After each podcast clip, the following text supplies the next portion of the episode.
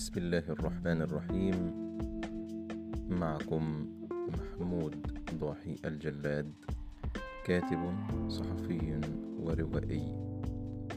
من خلال منصة شاي بالنعناع سأقدم لحضراتكم مجموعة من الحلقات الهامة الخاصة بمنهجية التعلم.